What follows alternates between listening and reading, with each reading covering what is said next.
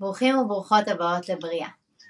בריאה נולדה כחלק מהמסע שלי ומהרצון והצורך למצוא דרכים שמטיבות איתי ושמאפשרות לי לקחת אחריות ולבחור בבריאות שלי הנפשית והגופנית שתמיד הולכות יד ביד.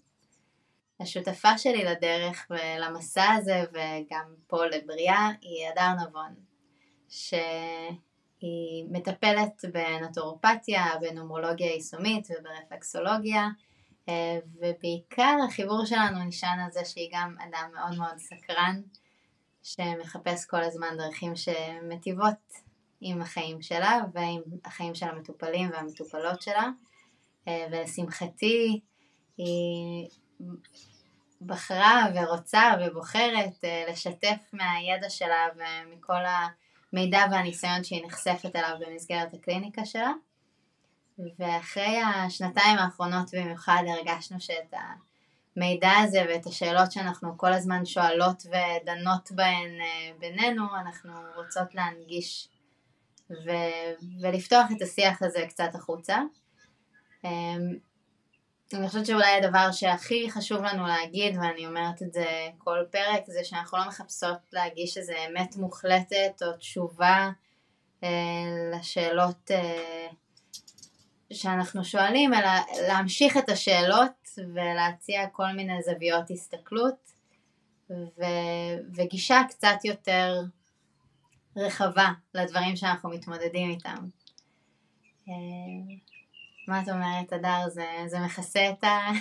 את ההסבר? זה ממש מכסה, ממש מכסה. ונכון, אנחנו יודעות גם בחיים שלנו, אנחנו סקרניות ואנחנו חוקרות ו... ו- ו- וככה התהליך הזה בעצם עובד, אנחנו לוקחות מפה ולוקחות מפה ושואבות מפה ומתנסות בזה ולאט לאט הדברים האלה שאנחנו אוספות איתנו בדרך, המידע, האנשים, ההשראה, Mm-hmm. זה משהו שעוזר לנו להפוך אה, למי שאנחנו וגם להגשים את הפוטנציאל שלנו, גם האישי, גם הבריאותי, ואני לגמרי, אני ואני מאמינה שגם את לגמרי מכוונות לשם שהפלטפורמה הזאת תהיה עוד איזשהו ערוץ שבאמת מי שמקשיב לנו בעצם יוכל לקחת משהו איתו אה, הלאה לדרך ומשם זה, זה ימשיך להתגלגל. אמן. זה איחול נהדר. נכון. כן, אני חושבת שבמסגרת השיחות שלנו הרבה אנחנו מדברות על להסתכל על הדברים קצת יותר כשלם, כמכלול. אה, אני, אני יודעת שזה משהו שאני חטאתי בו לאורך רוב חיי, בניסיון אה, להצמיד באופן אה, הדוק וחד משמעי בין איזשהו סימפטום להתנהגות שבדיוק עשיתי, או כואבת לי הבטן, אוי, מה בדיוק אכלתי עכשיו, זה ככה, אה, מה, איזה קרם פנים השתמשתי, קצת להתעלם מההוליסטיות של החיים שלנו ושל הסימפטומים שאנחנו חווים ושל ההתמודדויות שאנחנו חווים. אמ, ואני חושבת שבשנתיים האחרונות כשהרבה אנחנו עוסקים בבריאות אה, ובכל מיני השפעות חלקן מאוד חיצוניות לנו שהן מרגישות אולי אה, מאוד מאוד גדולות וחד משמעיות יש mm-hmm. הרבה ערך ללהבין ש... יש מכלול הרבה הרבה יותר רחב מהקשר סיבה תוצאה הישיר הזה לכל דבר ושיש לנו ובגלל הדבר הזה יש לנו גם הרבה כוח אצלנו שגם אם יש איזשהו איזושהי התמודדות חיצונית, איזושהי מחלה חיצונית, איזשהו איום חיצוני, אני חושבת שזה ככה לי לפחות רוב התקופה האחרונה הרגישה שיש איזה איום חיצוני שכאילו בסדר מה את יכולה לעשות איתו? אז להבין שאפשר לעשות איתו הרבה ושאיך שאנחנו מזינים את עצמנו מכל הכיוונים, גם במזון, גם איך שאנחנו אוכלים ו, וגם מה שאנחנו מזינים את עצמנו אנרגטית, האנשים שסביבנו, התכנים שאנחנו צורכים, השקט הנפשי שלנו, הבחירות שאנחנו מקבלים לאורך היום יום שלנו בחיים הם, הם חלק מאוד מאוד משמעותי מהבריאות שלנו ויש לנו אפשרות לשפר את הבריאות שלנו ואת החיים שלנו באמצעות בחירות שמטיבות איתנו. גם אם יש כל מיני התמודדויות, בין אם הן באמת מרגישות חיצוניות לחלוטין, אה, ואנחנו לא יכולים אה, לשנות אותם, ובין אם זה דברים, אני יודעת שנגיד אני הרבה פעמים הרגשתי, אם יש לי משהו אה, פתולוגי, נגיד בעיה בגב, ש... טוב, זה ככה זה, זה כבר אמרו לי, כבר ראיתי את זה בצילום, אני כבר יודעת שזה ככה, מה כבר אני יכולה לעשות? יש לי כבר את הסיבה ואת התוצאה, וזהו, לא נשאר הרבה באמצע. ומה שאני יותר ויותר מרגישה, ואני מאוד שמחה להרגיש את זה, כי אני חושבת שמהסיבת תוצאה זה מאוד מאוד מצמצם את החיים, ויש, ו, ומאוד קשה למצוא בו בריאות, כי, כי אז ברגע שאתה מתמודד עם משהו, יש לו רק uh, תוצאה אחת. באמצע הזה אפשר לגלות בכלל רבדים אחרים של בריאות שעוד לא פגשנו אותם. Uh, ואני יודעת שאני בחיפוש הזה עשיתי כל מיני דברים שאולי אם לא היה לי איזושהי, לא הייתה לי איזושהי התמודדות, לא הייתי נחשפת אליהם בכלל, כמו למשל דיקור, או צמחי מרפא, או סוג ספורט אחר, או מדיטציות, או, או הצורך להאט, או, לד... או לבחור יותר בקפידה איפה אני שמה את האנרגיה שלי ואצל מי אני שמה אותה. אם לא הייתי עושה את הדברים האלה בגלל שלא הייתה לי ברירה, כי הייתי באיזושהי מצוקה או חוסר שביעות רצון מהמצב הבריאותי שלי, לא הייתי מגלה שאני בכלל יכולה להיות במקום שאפילו לא העזתי לדמיין אותו, של רווחה ו... ובריאות אה, אפילו יותר גדולה מ... מלפני ההתמודדות הראשונית. נכון. אז זה אני אומרת תודה רבה על המשברים שלנו. זה הרבה כן. פעמים חוכמת הבדיעבד, כן? אבל uh, יש כן. בזה משהו מאוד מאוד uh, משמעותי, זה נכון. כן. ואני חושבת שגם ו... הפעולה הזאת, כמו שאת אומרת, כאילו, אם אני רגע בוחרת להזין את עצמי, נגיד ברמה הפיזית, mm-hmm. אז הפעולה הזאת, יש אדוות שמשפיעות על הזנה באופן כללי, ואת חווית את זה ממש על עצמך. התחלת מאיזה משהו, כן. וזה שינוי קטן, וזה רק רק רק הולך ומתרחב פתאום, ומאיזשהו צעד קטן שהוא כן. מאוד מאוד משמעותי, זה פתאום מתחיל אה, להשפיע עלינו על כל המרחב של החיים. אז הסיבה שבכלל כל הדברים האלה עלו לי בהקשר של הפרק היום, זה כי יש לו איזה כותרת כזו ככה מאוד אה, מנערת אולי, תת תזונה על בטן מלאה. זה עושה כזה רגע, אוקיי, רגע, שנייה, מה זה תת תזונה זה, זה, זה מושג כזה נורא, נורא דרמטי, אני מדמיינת תמונות שהן רחוקות ממני אלפי שנות אור, ואז בטן מלאה, המושג בטן מלאה, לי לפחות בקונוטציה, אני לא חושבת על אוכל, אני חושבת על זה שיש לי בטן מלאה על מישהו. אני חושבת על איזה משהו כזה שאני שבעה מאיזושהי התנהלות או התנהגות, והשילוב של שניהם ביחד, אני אומרת, וואו, ממש לא, לא נוח לי במקום הזה. ו- וזה, וזה נושא שבעיניי הוא ממש, הוא, הוא בדיוק מתייחס לזה ש... צריך להסתכל על הדברים בזווית קצת יותר רחבה ולהיות בבחירה שהיא קצת יותר הוליסטית במה אנחנו מזינים את עצמנו מכל הכיוונים. ו- ובמהלך הדרך כשדיברנו על הנושאי שיחה שחשוב לנו להעלות אז עלה גם, עלו גם לא מעט הנושאים שהם מדוברים די הרבה אה, מה מרכיב את האוכל שלנו נגיד האם נכון, האם זה מעניין אותנו לדבר על פחמימות ושומנים וחלבונים וויטמינים ומינרלים ולהציג אותם וכמה מכל דבר אנחנו צריכים ולדבר קצת על תפריטים או על בחירה ודי מהר שתינו הרגשנו ש... שכרגע זה פחות מה שאנחנו רוצות להביא לשולחן כי זה שוב מחזיר אותנו קצת לצמצום הזה של אה, לדבר נקודתי על אה, על נכון, משהו מסוים, זה... על רכיב מסוים. ואז אמרת לי את הכותרת הזאת, ואמרת לי, זה הרבה יותר מתחבר לי למה שאני פוגשת ביום יום. כי, כי לזה אי אפשר לתת מענה בלהגיד, חסר לך אמ, ויטמין כזה, ו-100 גרם חלבון, וקצת יותר ירוקים, ואת מסודרת. צריך רגע לעשות uh, ממבט על, כמעט כמו כל דבר בחיים שלנו, איך אנחנו מכניסים אותו ל... לאיזון שהוא נכון לנו, mm-hmm. ואיך אנחנו הופכים את הבטן המלאה הזאת למלאה בטוב, ו- ונמנעים מה- מהתת תזונה שאנחנו אולי אפילו לא, לא יודעים להגיד מהו, אז, אז אולי mm-hmm. אני לגמרי, זה לגמרי התחבר לי ברגע שאמרתי את הביטוי הזה, אבל אולי uh, קצת תסבירי לי מה, הזווית כן. שלך בתור מטפלת שפוגשת אנשים, איך, איך זה נראה המושג הזה? כן. אז אני כן גם רוצה להוסיף למה שאמרת, כאילו על הנושא הזה שבאמת אה, נדבר על החלבון ועל ויטמינים ספציפיים וזה, אנחנו באמת איפשהו בחרנו אה, לא להיתקע על מידע אלא יותר לתת השראה. כאילו לא ליפול על הפרטים הקטנים אלא באמת לתת משהו יותר רחב שאני חושבת שהוא, אה, שהוא יכול לגעת ביותר אנשים ולתת יותר השראה ואיזושהי פתיחות לתהליכים ו... הכותרת הזאת של תת תזונה על בטן מלאה, את יודעת, את מכירה אותי, אני בחורה די עדינה, אבל uh, לפעמים אני בוחרת להשתמש בביטויים שהם בועטים, בוא נגיד את זה ככה, כדי להעביר איזשהו mm-hmm. מסר. ואני באמת חושבת, וזה אגב לא רק אני, uh, זה גם משרד הבריאות, זה גם ממש uh, אוטוריטות בריאותיות קונבנציונליות שיש היום בארץ, הן מדברות בשפה מאוד דומה. אומרת, אם תיכנסי היום לאתר של משרד הבריאות ותחפשי מידע, רשום לך כאילו מילה במילה, אנחנו מגדלים דור חולה. זה ביטויים כבר שמשתמשים okay. אוקיי. בהם, כן? אז mm-hmm. אה, אני חושבת שלפעמים כשהמצב קיצוני, אז לפעמים צריך להשתמש גם בהתבטאויות שהן קצת קיצוניות כדי להעביר מסר מסוים.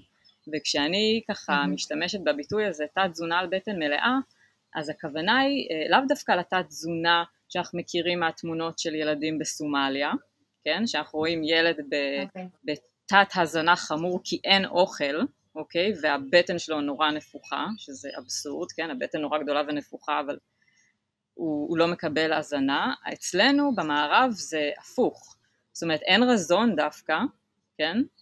זה לא יתבטא ברזון מאוד מאוד משמעותי, אבל זה כן יתבטא בזה שהאוכל שלנו הוא כל כך דל באמת ברוב המקרים, אה, בטח בתזונה שהיא מעובדת, שהיא ממותגת, האוכל הוא כל כך דל ברכיבי הזנה, כל כך עתיר קלוריות ושומנים לא בריאים, שבעצם אנחנו אוכלים, אנחנו מרגישים שבעים, כי אכלנו כמות גדולה, קיבלנו הרבה מאוד קלוריות, שקלוריות זה אנרגיה, אבל בסופו של יום התאים שלנו, אה, הרקמות, האיברים הפנימיים שלנו, מערכת החיסון שלנו, המוח ומערכת העצבים לא באמת קיבלו את החומרי ההזנה הספציפיים שהם צריכים, שהם יימצאו במזון שהוא יותר אה, אה, גולמי ולא מעובד, מזון שהוא ראשוני יותר, ואז אנחנו באמת מדברים על החומרי ההזנה, על האבני בניין האלה, שהם ויטמינים והם מינרלים והם חומצות שומן טובות והם חלבונים, והם, והם נוגדי חמצון ומכלול מאוד רחב, שכשאני אוכלת תזונה מעובדת, ובן אדם ממוצע בישראל אוכל תזונה מאוד מעובדת, אנחנו לא באמת מקבלים אותם.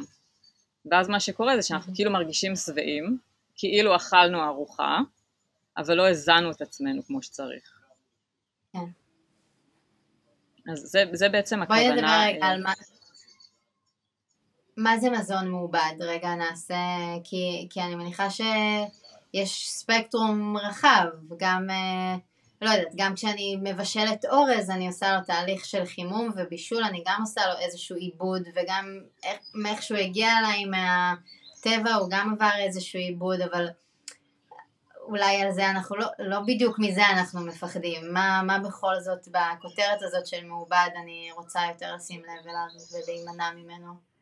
כן, אז יש, אז יש, אה, כמו שדיברנו בפרק אה, הראשון אה, על העניין הזה של, ה, של הקניות של האוכל שלנו, בעצם מזון שהוא ממותג, אני רוצה להסתכל על הרכיבים, אני רוצה, כמו שאמרנו, להבין מה אני קוראת, אני רוצה שזה, שזה לקרוא אוכל, מזון, רכיבים, ומעבר לזה דווקא משהו שהייתי כן רוצה להתמקד בו אולי בפרק הזה, זה הנושא הזה באמת של אה, פחמימות ריקות וסוכר. כי אני חושבת שזה משהו שמהווה okay. אוקיי. חלק מאוד נכבד, יותר מדי נכבד מהתזונה שלנו, וזה גם מוגדר כמזון מעובד. אז הכוונה היא לסוכר, סוכר לבן, סוכר חום, okay. אה, סוכר לכל צורותיו, אה, וגם מה שנקרא פחמימות ריקות, שזה משהו שאנחנו מוצאים המון בתפריט שלנו, שזה קמח לבן, זה אורז לבן, זה קורנפלקס, בגט, אה, פטיבר, פתיתים, קוסקוס, עוגיות, בייגלה, וכל מה שבערך ישראלים אוכלים לפחות כמה פעמים ביום, שבעצם זה לא נראה כמו סוכר לבן אולי, אבל זה בסופו של יום אוכל, אני אפילו לא אקרא לו מזון, כן, כי הוא לא מזין, אבל זה אוכל שהוא בעצם מתפרק לנו בגוף בדיוק כמו סוכר.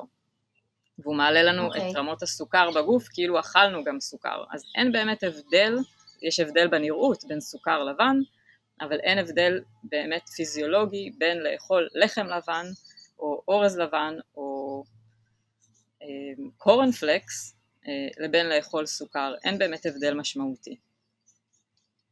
עכשיו גם לא סוכר... לא באורז לבן, שנ, שנגיד במזרח הוא אבן יסוד בתזונה, והיפנים עד שהשתלטנו עליהם עם המקדונלדס שלנו היו עם מאוד מאוד בריא ורזה, ואחוזי הסרטן היו מהנמוכים בעולם, אה, שאגב מאז כניסת המערב הם מככבים אה, בשיא ההשמנה, אה, תחלואת סרטן, סכרת. לגמרי, את רואה את זה גם על מהגרים. את רואה את זה גם על מהגרים, כן. יש הרבה מחקרים על זה, כאילו מהגרים מהמזרח שעברו הברית, כאילו עם הזמן, זה פשוט התחלואה נהייתה אותו דבר.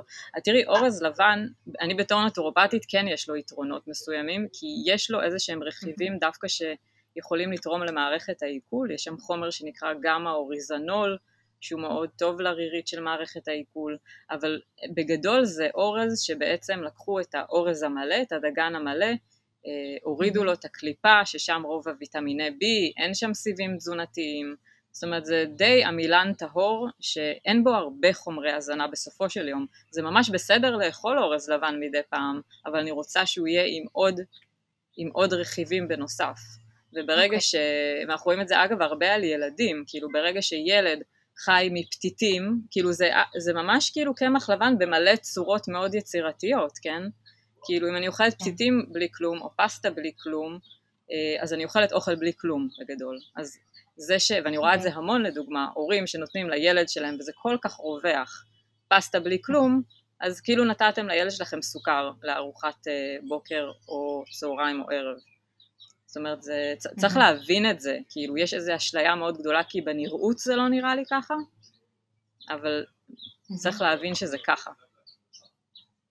ואז יוצא שאנחנו ניזונים מכמויות היסטריות של סוכר, שלא נדבר על כמויות הסוכר המוסף שאנחנו מקבלים משתייה, שאנחנו mm-hmm. בישראל שיאנים בשתייה ממותקת. זאת אומרת, בממוצע אנחנו צורכים בין 15 ל-45 כפיות סוכר ביום. כמה אנחנו... מבינה מה זה? 45 כפיות סוכר? כאילו, אני אומרת, תדמייני, שאמרתי לך את הדוגמה הזאת פעם, כי היא כל כך עוצמתית לדעתי, שכאילו כמו שאנחנו הולכים לבית קפה ויש בצד את הכלים האלה עם הסוכר, את השקיות סוכר האלה, mm-hmm. סוכר לבן, סוכר חום, אז תחשבי שכאילו את פותחת 45 שקיות כאלה ושמה לעצמך. כאילו זה מה שאנשים כמה... גם צורכים ביום לפעמים. כמה סוכר אנחנו אמורים לצרוך ביום? אנחנו צריכים סוכר? תראי, בגדול, אה, עוד פעם, ארגוני הבריאות מדברים, ושוב, אני לא כל כך מקבלת את זה, כן? אה, מדברים על מינונים משתנים, מדברים על סביב השבע ביום, נאמר, שזה עוד סביר לצרוך, סביב השבע כפיות ביום של סוכר מוסף, מה שנקרא, לא סוכר שיש לי בפירות או במזון שהוא מלא, אלא סוכר מעובד, סוכר מוסף או פחמימות ריקות. אמ, אנחנו בגדול צורכים הרבה יותר מזה, כן. הרבה הרבה יותר מזה, ויש לזה מחיר. יש לזה מחיר מאוד מאוד כבד אגב, תביני שבעולם, בעולם בערך שמונה וחצי מיליון איש מתים בכל שנה כתוצאה ממחלות כרוניות שקשורות לצריכת סוכר.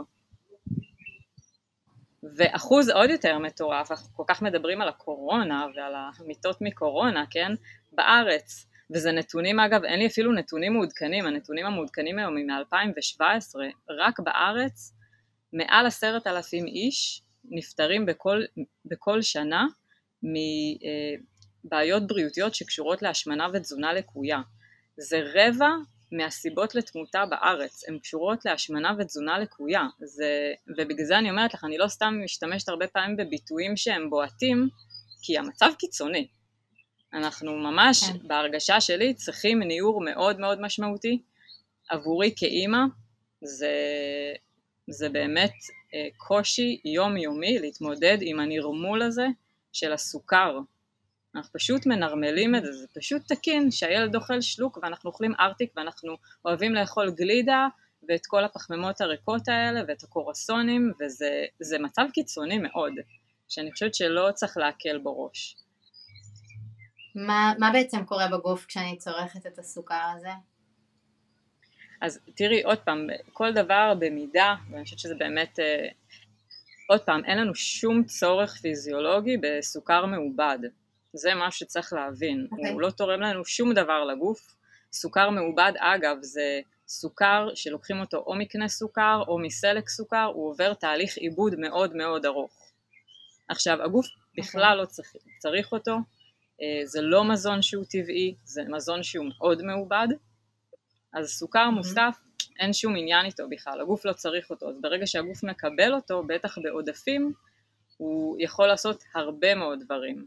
הוא, יש לו איכות שאני קוראת לה שהיא מזקינה אותנו מאוד, כי הוא יכול להעלות את הדלקתיות בגוף, הוא מעלה את החמצון בגוף, הוא מאוד מאוד משפיע, אחד החומרים, אה, אגב אחד החומרים הכי ממכרים שיש לנו במטבח, והוא מאוד מאוד משפיע על מערכת העצבים שלנו, הוא מאוד משפיע על השינה שלנו, mm-hmm. הוא מאוד משפיע על הרגלי התזונה שלנו, גם דיברנו על זה, כאילו זה משהו שבגלל שהוא גורם להפרשה של דופמין, להורמונים האלה של ההרגשה הטובה, זה משהו שאנחנו גם נרצה ממנו עוד ועוד ועוד.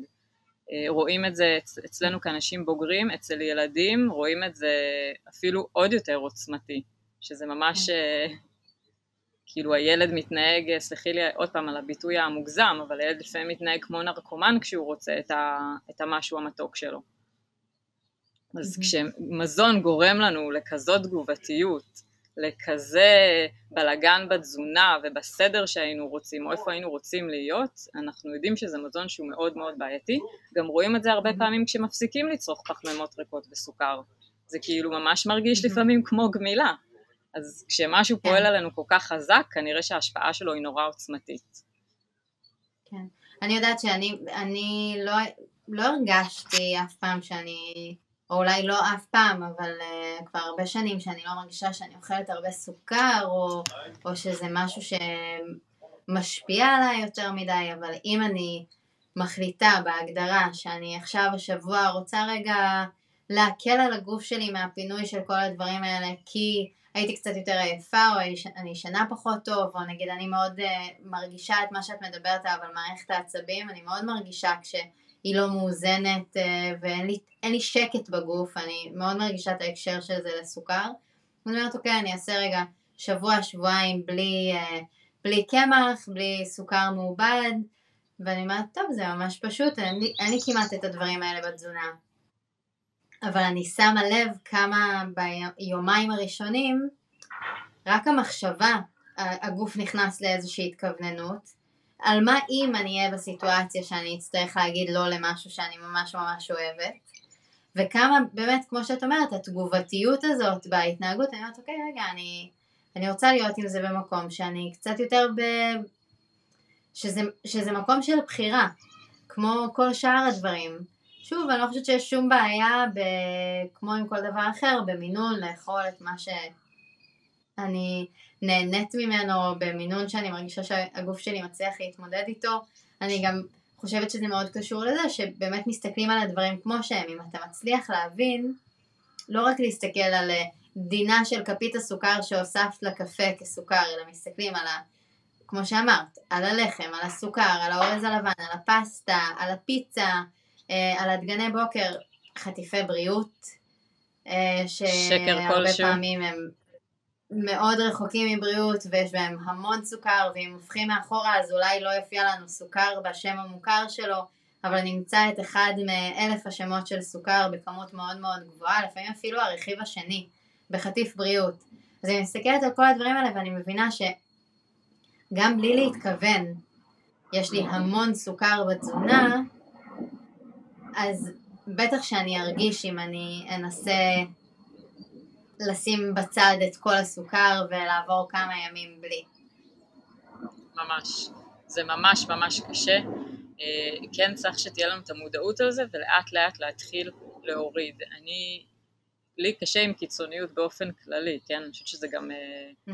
בפועל לא באמת מחזיק הרבה, אבל לפקוח את העיניים לזה, כמו שאת אומרת, להסתכל רגע באיזושהי ראייה רחבה על התזונה שלי, וזה אגב, אני עם כל מטופלת שמגיעה אליי לייעוץ נטורופטי, אני אומרת לה תרשמי שלושה ימים מה את אוכלת ושותה, שנראה את זה הרבה פעמים מול העיניים, כי לפעמים זה on the go, רוב הזמן אנחנו on the go מה שנקרא, ואנחנו לא שמות לב לזה, אז באמת רגע כן. לנסות להבין איפה זה נמצא, איפה זה פוגש אותי, ו- ו- ו- ולהבין איזה דרך אני צריכה לעשות עם זה. עכשיו שוב, גם אני לפעמים מתפנקת, בטח, כאילו, אני, תני לי איזה קרואסון טוב, אני אתענג עליו.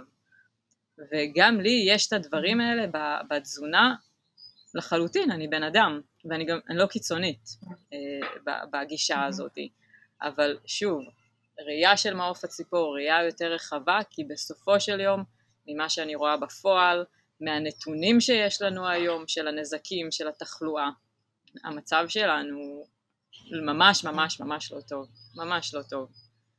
ואגב. יש הרבה מחלות, אני אומרת, אנחנו, אנחנו יחסית אה, מה שנקרא צעירות, ואני מניחה שהרבה מהקהל גם שמקשיב לנו, זה אנשים בערך בגיל שלנו, אה, אבל יש, יש איזו שאננות כזאת, כן? אבל אנחנו רואים היום אחוזי תחלואה בגלל צריכה של סוכר הם נורא נורא גבוהים. אה, לא, מה שנקרא, אני תמיד בעד רפואה מונעת, לא לחכות שהנזקים כבר יהיו ואז גם יהיה קשה לעשות להם ריברס. כאילו כן. להתחיל היום לעשות בחירות שהן הרבה יותר נכונות עבורנו. אוקיי. איפה, איפה פירות נגיד? הרבה פעמים כשאני שומעת את השיח על סוכר אז אני שומעת על פירות. שבפירות יש המון המון סוכר ו... אמ, אנשים שיש להם סוכר גבוה, אסור להם לאכול פירות וכל מיני אה, הצהרות על הספקטרום. מה דינם נכון. של פירות ביחס לסוכר? או, או ביחס באופן... בכלל לנושא הכללי של, אה, של, של ההזנה, כי בשונה מפשוט לאכול סוכר, פירות רחוקים מלהיות לא מזינים, נכון? נכון, פירות זה מזון נהדר, זה מזון חשוב, אה, כדאי שאנחנו נשלב אותם בתזונה היומיומית ושוב פעם כמו בכל דבר יש לזה כוכבית זאת אומרת אנשים שכבר סובלים מאיזושהי אי סבילות ו... או כבר מסוכרת כן? אז צריך לעשות uh, את ההתאמות. עכשיו גם לדוגמה סוכרתיים הם גם יכולים לאכול פירות אבל בהגבלה. כאילו מדברים mm-hmm. על סביב השתי מנות פרי ביום אה, וגם פירות מסוימים, אבל באופן גורף אני אומרת, לרוב האנשים פירות זה מזון שהוא מאוד בריא, ושוב, זה כן להסתכל על זה כמכלול, אם זה מעובד זה בעייתי, כן, אם יש לי איזה רכז פרי באיזה שתייה מסוימת, כן, זה כבר משהו שהוא כנראה איבד מרוב הערכים שלו, אבל פרי ככה כמו שהוא, אנחנו מקבלים בעצם את כל המכלול, זה נכון שאני מקבלת את mm-hmm. הפרוקטוז, את הסוכר של הפירות, אבל אני לא יכולה להסתכל רק על זה בזכוכית מגדלת, כי אני מקבלת גם ויטמינים ונוגדי חמצון נפלאים, ומינרלים, וסיבים תזונתיים שיש בזה. כן. אז זה מזון שיש בו הרבה. אני כן יכולה ככה לומר שגם כאיזשהו כלל, אני בדרך כלל אמליץ לצרוך פירות בשילוב של אה, אגוזים ושקדים. זאת אומרת, עם מזון שהוא קצת יותר שומני, כי אז בעצם הוא מאפשר אה, לסוכר לעלות בצורה יותר מתונה בדם. כאילו אם משלבת את המזון שהוא יותר פחמימתי עם משהו שהוא שומני, אז הסוכר יעלה בצורה יותר מתונה, כאילו פחות יהיו את הפיקים האלה ואת הדיפים האלה. אז פירות נפלא לשלב עם, אה, כדאי לשלב עם אגוזים ושקדים. אוקיי, okay, מעולה. שקדים בכלל, אגוזים, אה, כל מה ש... כן. ו- ואת כל הלבנים למיניהם, כל הקטגוריה הזו של הפחמימות הריקות. אה, אגב, תפוח אדמה נכנס שם גם? שוב פעם, תפוח אדמה, אם אני עוד אוכלת אותו עם הקליפה, אז אני גם מקבלת mm-hmm. ערכים תזונתיים. אה, אבל גם תפוח okay. אוקיי. אדמה זה מזון שהוא כמעט רק עמילן, בטח אם אני גם מורידה mm-hmm. ממנו את הקליפה ואז גם אין לי את הסיבים ואת הוויטמינים שיש שם, אז mm-hmm. אין בעיה לאכול תפוחי אדמה, אבל עוד פעם, אם אני ניזונה מפסטות, תפוחי אדמה וטוסטים וקורנפלקס, אז זה לגמרי too much. אבל נגיד, עדיף לי שתורידי את הקורנפלקס ולא את התפוח אדמה. מבינה מה אני אומרת? אוקיי. כי התפוח אדמה זה כן, משהו כן, שהוא גולמי. בכל זאת, כן, הוא עדיין יותר קרוב לטבע שאני רוצה לקבל. אבל אה, לגמרי. תפוח אדמה יכול להתחלף בכל ירק אחר בתנור שיש לו אולי גם אה, יותר אה, יתרונות קולורבי אה, אגב זה. שוס. קולורבי זה התפוח אדמה. הבא. כן, ובטטה, ושומר, וסלק, ו... ודלת, וכמעט כל דבר, וקישור, ודייקון, וכמעט כל דבר יכול להיכנס לתנור, אה, במקום ולהיות אחלה תוספת, את האורז הלבן אפשר להחליף באורז בר, אורז מלא, פסטות למיניהם, פסטה קוסמת, סובה, אה, יש גם כל מיני פסטות שאני לא יודעת איפה הן נופלות בקטגוריה של המעובד, כי הן גם כמובן מעובדות, אבל אה, פסטות קינוע ו- וכל מיני קטניות, אה, אני נכון. מניחה שזה מאוד תלוי מה הרכיבים, אבל שוב, לנסות ללכת על דברים שהם יותר עשירים ב... בבסיס שלהם יותר עשירים, לא כי העשירו אותם במשהו, אלא כי הם, ה- הן מורכבות מדברים יותר עשירים מהחומרי גלם הלבנים האלה, הקמח הלבן, הסוכר הלבן וכולי. בדיוק. אז אוקיי, זה, אני, זה ממש קל לי להבין איך אה, הרבה מאיתנו נופלים כאילו במקום הזה על התת תזונה, כי ברור שאחרי שאתה אוכל אה, צלחת פסטה אז אתה מרגיש שבע, הבטן שלך מלאה, אבל אולי לא היה שם יותר מדי. אה, אבל מה, במה עוד זה בא לידי ביטוי? כי את אומרת שכאילו הרבה מאיתנו אוכלים את הלחם והפסטה והפתיתים וזה, וכשאני חושבת על איך אה, אנשים סביבי אוכלים, אני, אני איתך. זה, זה גם מה שאני בעיקר רואה סביבי, מהמם. אבל אני מניחה שיש גם עוד מקומות שאנחנו עוד פחות יודעים שהם, אה, שהם כאלו. כאילו בצמצום שלנו, בסוגי ירקות שאנחנו אוכלים, ב... אני חושבת שבכלל התזונה שלנו היא, אני לא יודעת, אני נגיד ב- לפני שהייתה לי לזה מודעות, הייתי אוכלת אורז לבן, שניצל, וסלט ממלפפון ועגבניית שרי. ו- ובגדול, לא הייתי צריכה עוד כלום, חוץ ממדי פעם אולי קטשופ. אבל כאילו, ממש, היה לי, לא היה לי לזה סוב על הטעם בכלל, יכולתי לאכול מזה בכמויות, ולא היה חסר לי שום דבר.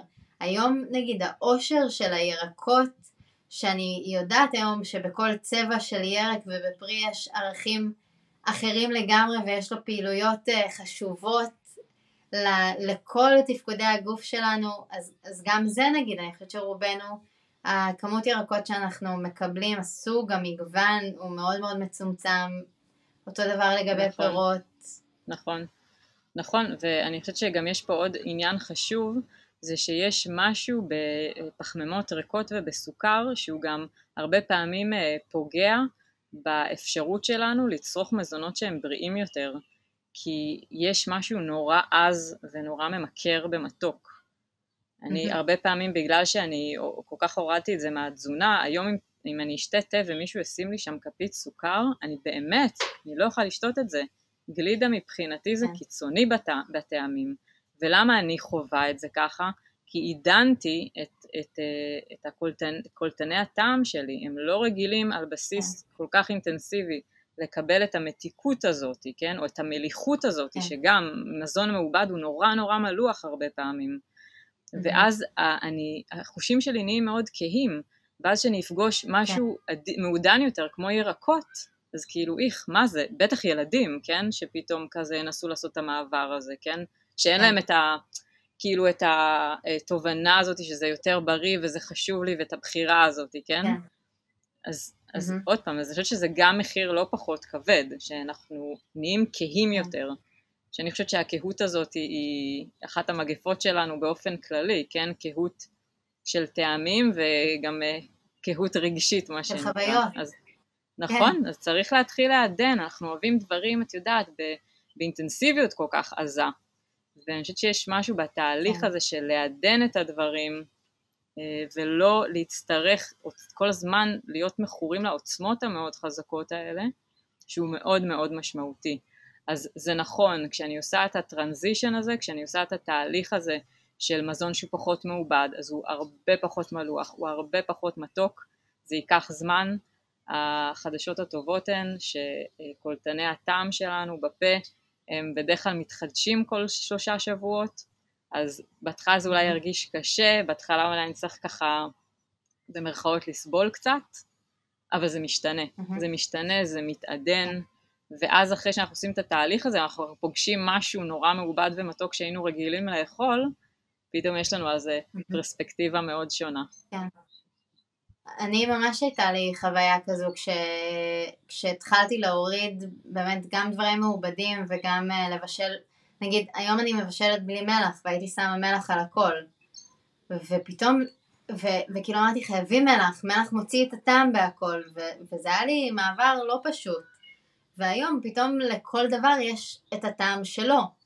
ואני יכולה להרגיש כל כך הרבה, כמו שאת אומרת, בעיניי זה ממש חוויה הרבה יותר מרגשת לאכול, כי גם אם אני חותכת סלט ויש בו ארבעה ירקות, ארבעה סוגי ירקות, אני מרגישה את הטעם של כל דבר ויש לדברים הרבה יותר נוכחות, אני יכולה ליהנות מהם הרבה יותר. וזה גם בעיניי ממש מפשט את המטבח, כאילו הכל הרבה יותר פשוט, פשוט ירקות בתנור עם קצת שמן זית זה טעים, פתאום להכל יש מלא מלא טעם עם קצת חינה, תבלינים שהם כן, אה, יש להם גם ערכים נוספים כמו אה, אה, קורקום או קצת פלפל שחור או כל מיני דברים שיש להם גם ערך ג'ינג'ר שאני יכולה ליהנות מה, ממה ש... מהצבע והטעם שהם מוסיפים, סומק, זעתר, אבל כאילו כל כך הרבה טעם, לכל דבר יש טעם. וגם במתוקים, כאילו לפרי, וואו, איזה טעים זה תפוח. כשלפני זה, אם הייתי אוכלת כל ערב צ'אנקי מנקי מול הטלוויזיה, וכזה בלי לשים לב, וזה היה לגמרי מתחביביי הבולטים, אז בסדר, תפוח זה פרי חמוד, אבל כאילו, לא, קשה להגיע, אני מאוד מתחברת למה שאת אומרת, לקהות החושית הזאת, גם בטעמים וגם בכל דבר אחר, ואני חושבת ש... כל ה... וזה גם אחת הסיבות שלא רצינו לדבר על הרכיבים כמו שהם, כי, כי גם בטבע, וגם בטבע שלנו, הרכיבים כמו שהם לא מתקיימים כרכיבים, הם מתקיימים כמכלול, כשלם שגדול מסך על הקו. וגם החוויות שלנו הן כאלה. ואם אנחנו מצליחים להיות במצב שאנחנו טיפה כאילו מורידים מהפאניקה הזאת וגם מהסטרס שאנחנו שמים על כל דבר ואנחנו חייבים שכל דבר יהיה בטעמים מפוצצים ו... ואני חושבת שגם בשבילי זה גם שכל דבר יהיה הדבר הכי טעים שאכלתי בחיים. לא כל ארוחה עכשיו חייבת להיות כאילו איזה אוכל בסוף, בסוף בהתחלה הוא נועד להזין אותי, לאפשר לי ליהנות מכל שאר הדברים בחיים, הוא לא חייב להיות, ו- ואני חושבת שזה גם כמעט בלתי אפשרי שהוא יהיה המקור המרכזי לאושר מבלי שאני אשלם עליו מחיר בריאותי. אני יכולה להכין אוכל מאוד בריא, שיהיה לי גם מאוד טעים ואני מאוד אהנה ממנו, אבל בשבילי, בהסתכלות שלי, בשביל שהוא יישאר משהו שמיטיב איתי, הוא צריך להישאר במקום שלו, שאני יכולה מאוד ליהנות ממנו, אני יכולה להתפנק ואז גם, כן, זה לא בהכרח יהיה מה שהייתי בוחרת אה, באופן בריאותי במעלה הראשונה, אבל היום יום זה מה שמשרת אותי, ומשרת אותי זה גם אומר שהוא מזין אותי, קרוב לטבע, גולמי, לא מעובד, אה, כמה שיותר קרוב לטבע, אם אני יכולה גם אורגני, אה, זה, וזה גם, זה עוד אה, איזשהו מתווה שהטבע כל הזמן מסמן לנו חזרה את הדרך, כי גם סביבתית, כל מה שמגיע לא ארוז, לא מרוסס, רק הדבר הזה יוכל להתקיים לאורך זמן בשלום עם העולם שאנחנו חיים בו ולאפשר לנו חיים מטיבים וארוכים. אני חושבת שזה די מפתח שאפשר להישען עליו כל פעם שאנחנו לא ממש בטוחים, נסתכל מה, מה היה הכי טוב לעולם וזה בדרך כלל נותן לנו קצת את, ה, את הזווית. וגם מה שמטיב איתי בפשטות שבו אני נדרשת לגשת אליו.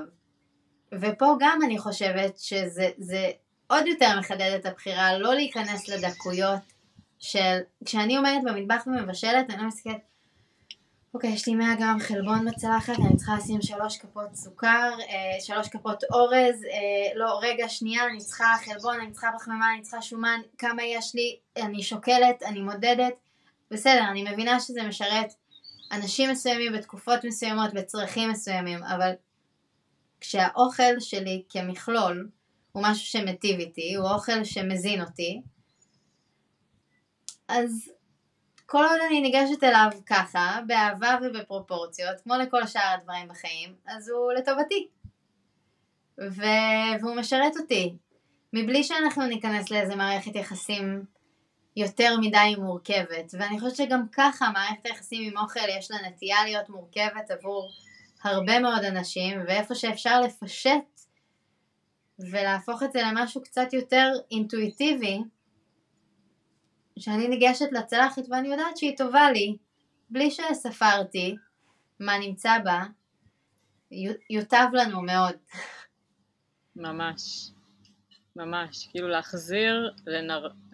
לנרמל את הדברים האלה, זה לא, את יודעת, לא לנרמל סוכר, להפסיק לנרמל סוכר, להפסיק לנרמל מזון מעובד, להפסיק לנרמל אורח חיים שהוא כל כך קלוקל, זה מה שאנחנו מנרמלים היום, אנחנו מנרמלים סטרס, קשרים לא בריאים, תזונה לא טובה, הנתונים מדברים בעד עצמם, אי אפשר להתחמק מזה, כן?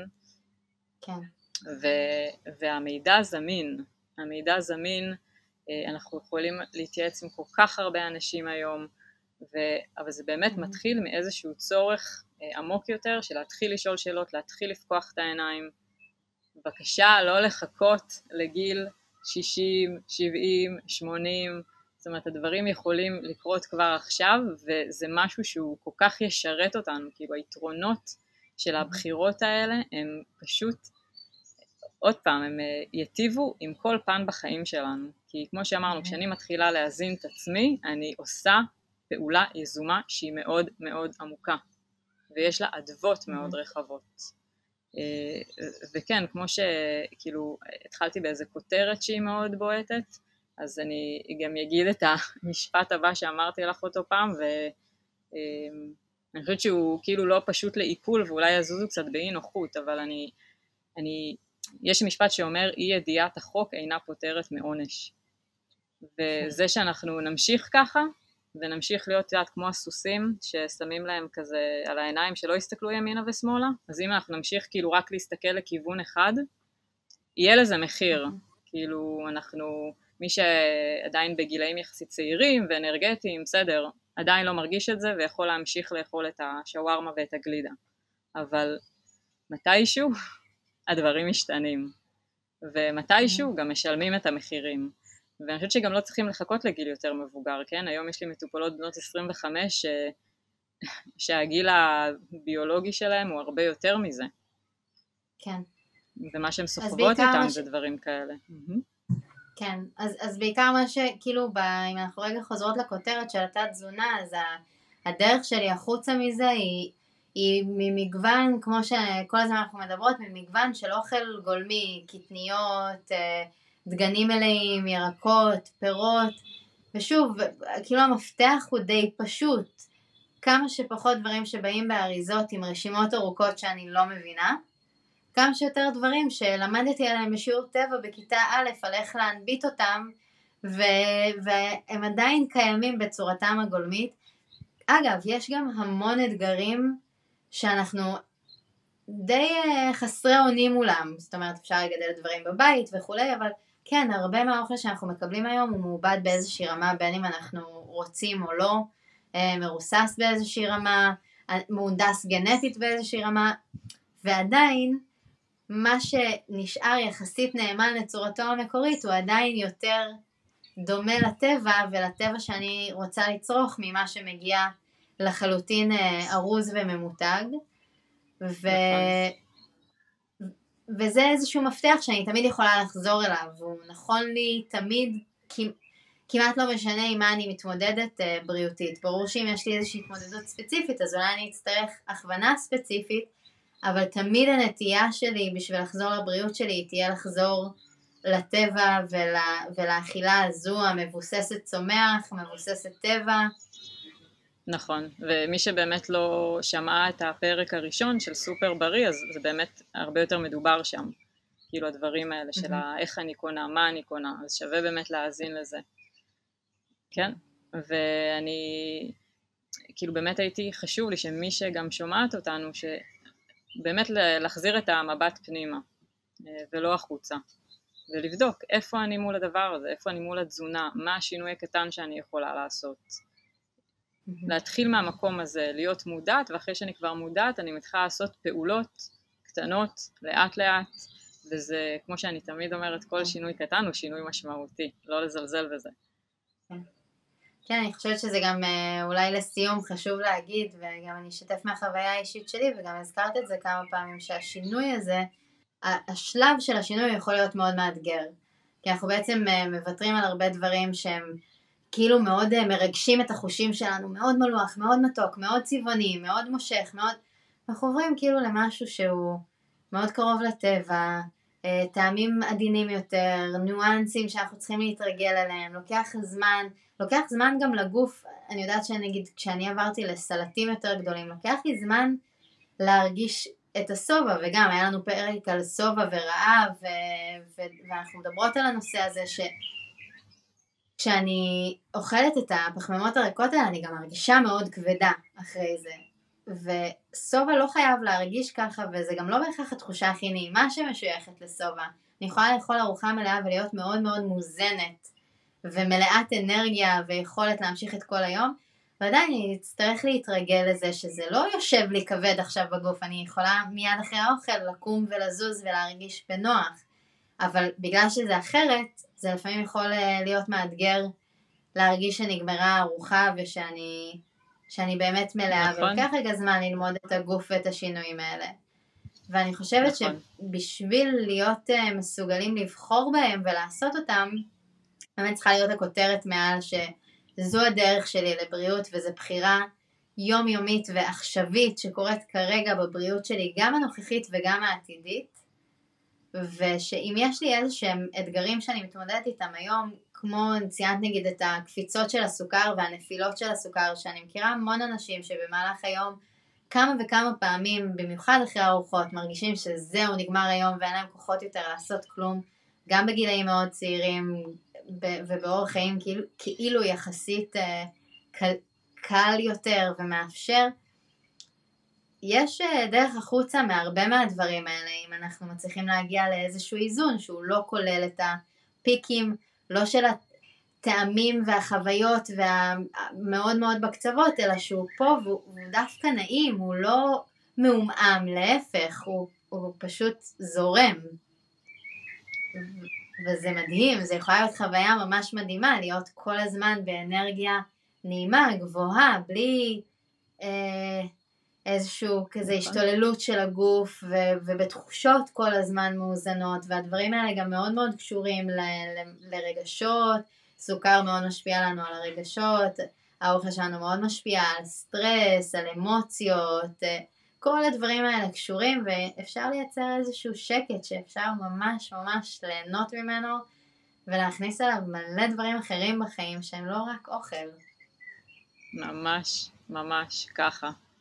וגם אני ככה עוד אוסיף על זה משהו קטן שמבחינתי זה mind blowing, הדברים האלה של התזונה ושל האורח חיים זה דברים שגם משפיעים לא רק עלינו ועל הסביבה שלנו, זה גם משפיע על הילדים העתידיים שלנו ועל הנכדים העתידיים שלנו. זאת אומרת זה כבר ידוע שזה דברים שעוברים הלאה בתורשה. אז mm-hmm. אני אומרת, זה, זה מה שאנחנו עושים גם למעננו, וכמו כל דבר, יש לזה אדוות נורא נורא רחבות. אז mm-hmm. שנהיה ככה יותר אה, מודעים, ערים, רוצים טוב, עושים את זה בפועל, וזה ממש מתחיל מכל אחד ואחת מאיתנו. זה כזה נכון, כאילו, לא להשאיר את זה רק ברמת הקלישאה. זה ממש ככה. אני מסכימה לגמרי. אז איזה כיף, אז uh, בינתיים uh, אני אאחל לכולם שיהיה להם uh, הזנה מלאה ומיטיבה ובטן מלאה בתחושות חיוביות וקלילה ו... ונעימה. ושיהיה כן, ו... לכם טוב. וגם חשוב לי, את יודעת, גם חלק ממה שאנחנו עושות זה כאילו תפנו לנו, תש... תפנו אלינו, תשאלו שאלות, תשתפו, כאילו זה משהו ש... כאילו חוכמת ההמונים ולהציף את הדברים האלה, אני חושבת שזה משהו שהוא מאוד חשוב לייצר. אה, וביחד לבנות איזשהו משהו שיוצר שינוי שהוא, שהוא רחב יותר ונותן השראה. מעולה. תודה רבה, אדם. אני אוהבת אותך. אני אותך. בבריאות מלאה לכולם, כולם, כולם, אמן. אמן.